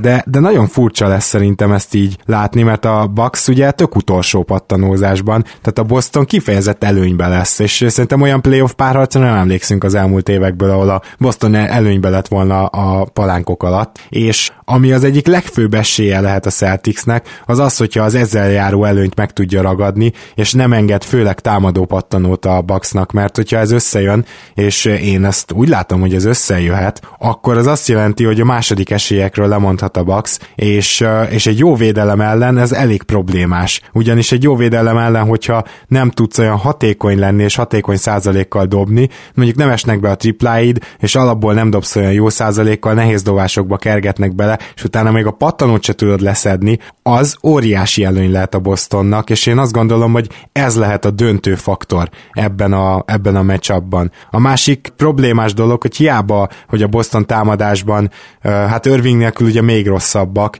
de, de már Irving se voltak jók. Tehát ez még ennek ellenére is megnézhetett, hogy a Bucks ugye alapvetően támadó csapat, és valamilyen misztikus oknál fogva egyszerűen nem tudja összerakni semmilyen egyző a védekezést. Ugye Kiddet rengeteget szittük, de hát aztán Prantinál is előjöttek ugyanazok a problémák, úgyhogy e, ezt így nagyon érdekesen várom, mert a defensív talent az abszolút ott van ebben a csapatban, még akkor is, hogyha nincs egy olyan center, aki köré lehetne építeni, de hiába a defensív talent, hogyha mondjuk védekezésben nem tudják rendszeresen 100 pont alatt tartani a Bostont, ami azért több csapatnak sikerült már, akkor szerintem bajban lehetnek. Mindezek mellett viszont a meccsapokban, amikor a Milwaukee-nak kell védekeznie, akkor én azt gondolom, hogy Antetokumpo gyakran fogja majd Horfordot. Sőt, azt is állítom, hogy rengeteget lesz centerben fönt a pályán, és ez lehet az a húzás, ami még a lepattanozás ellenére is talán mégis a Bucks oldalára billentheti a mérleget. Erre én annyit erre annyit reagálnék, hogy egyébként valójában így történik, az eddigi meccsek alapján is kijelentető, hogy Horfordot többnyire Janis fogta a Bucksból, és egyébként jól is fogta, mert nem, nem volt olyan jók a, nem voltak olyan jók a számai Horfordnak, mint ahogy addig a másik csapatok ellen, tehát visszábesett a pontátlaga. A, a mezőnyszerzők egyébként jó volt, de ennek ellenére volt turnoverei voltak, kevesebb volt az assziszt, tehát ez megállapítható. És a másik oldalon is egyébként nagyon furcsa, és ez lehet szerintem az egyik kulcsa az egész párharcnak, hogy ha megnézzük, hogy Janiszt kik fogták idén, akkor az jön le, hogy többnyire Horford fogta őt a védekező a, a Bostonból, és hát valami kevés esélye volt, pedig Horford egy nagyon jó védő, de Janis őt is nagyon megverte, és még így is ő volt a legjobb, mert akár Brown-t, akár Tatumot állították rá, őket is megverte, és nyilván őket meg is veri, hiszen hiába jó védő Brown, azért Janis nagyobb, mozgékony, hát a mozgékony talán nem igaz, de nagyobb, ruganyosabb, ő, fe, ő velen feltétlenül nem tudja Brown a méretei miatt azt a védekezést bemutatni, mint másokkal szemben. Úgyhogy szerintem Janisra a Bostonnak hiába jó a védekezése, nincs tökéletes embere, és ez szerintem lehet, hogy önmagában elég lesz ahhoz, hogy ne tudják továbbítni ebből a párharcból. Ebben mindenképp egyetértek, hogy nincs jó embere a, a Celticsnek a Janisra. Ugye a probléma az Brownnal és Térummal, hogy ők még egy picit kicsik ahhoz, hogy méretben pont, pont, pont olyan mérettel rendelkeznek, ami, ami hát nem elég Janis ellen. Horford pedig nyilván nem, nem elég gyors uh, ahhoz, hogy, hogy uh, hatékony legyen, bár ahogy mondtad, Gergő, ő, még mindig ő teljesített a legjobban, ami egyébként nem sokkol, mert messze a legintelligensebb védő valószínűleg a, a Celticsben talán Baines mellett, bár ugye Bainesnek nagyon le van egyszerűsítve a feladata, a feladatkörei, úgyhogy uh, Horford nyilván nála is azért intelligensebb, úgyhogy emiatt ez tényleg nem lett meg annyira, hogy ilyen Szelen ő teljesítette legjobban. De ideális esetben egy, egy Horford méretekkel rendelkező, in, méretekkel és intelligenciával rendelkező mondjuk egy elit atléta testében egy, egy ilyen védőnek lenne reális esélye Jannis Szelen és meg ott is azért hát kérdéses lenne, mert ugye én emlékszem azért olyan mérkőzés, amikor LeBron, aki, akire ez talán igaz, len, igaz lennének ezek a kitételek, amikor próbálta LeBron megfogni Janiszt, és kb. ugyanennyire menne ki.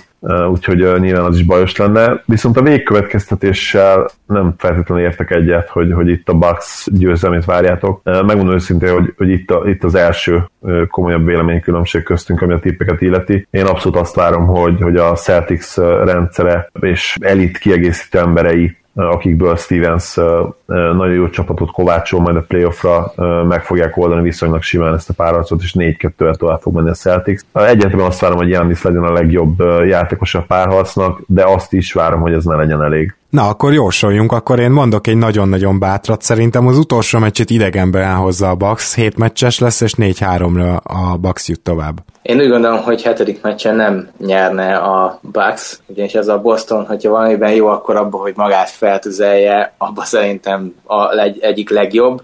É, viszont én úgy gondolom, hogy nem lesz hetedik meccs, és otthon a Bucks a hatodik meccsen ezt eldönti ezt a párharcot, és 4-2-vel tovább mennek. Én pedig hat meccses Celtics győzelmet várok azt hiszem, hogy mondhatjuk, hogy itt jól mutatják a mi tipjeink közötti különbségek is, hogy bár nagyjából a meccsapok elemzésében egyetértettünk, de hogy egyszerűen megjósolhatatlan ez a párharc. Én azt emelném ki, hogy a kulcs amiket mondtam, azok lesznek, majd figyeljétek, a Bucks mennyire tud a lepattanózásban hozzászagolni ez a meccshez, illetve a tripláik mennyire esnek, mert hogyha van üres triplád a Boston ellen, be is kell, hogy menjen, ez nagyon fontos lesz, illetve természetesen az, hogy Antetokumpóval egy személyes támadás tud-e vezényelni a Bucks, mert gyakorlatilag úgy érzem, hogy ő nekik van a több talent, nekik kell ezt a több talentet valahogy kihasználni, és a Boston pedig mindent el fog fog követni azért, hogy elrontsa a játékukat. Úgyhogy én úgy érzem, hogy ezek mentén fog eldőlni ez a párharc,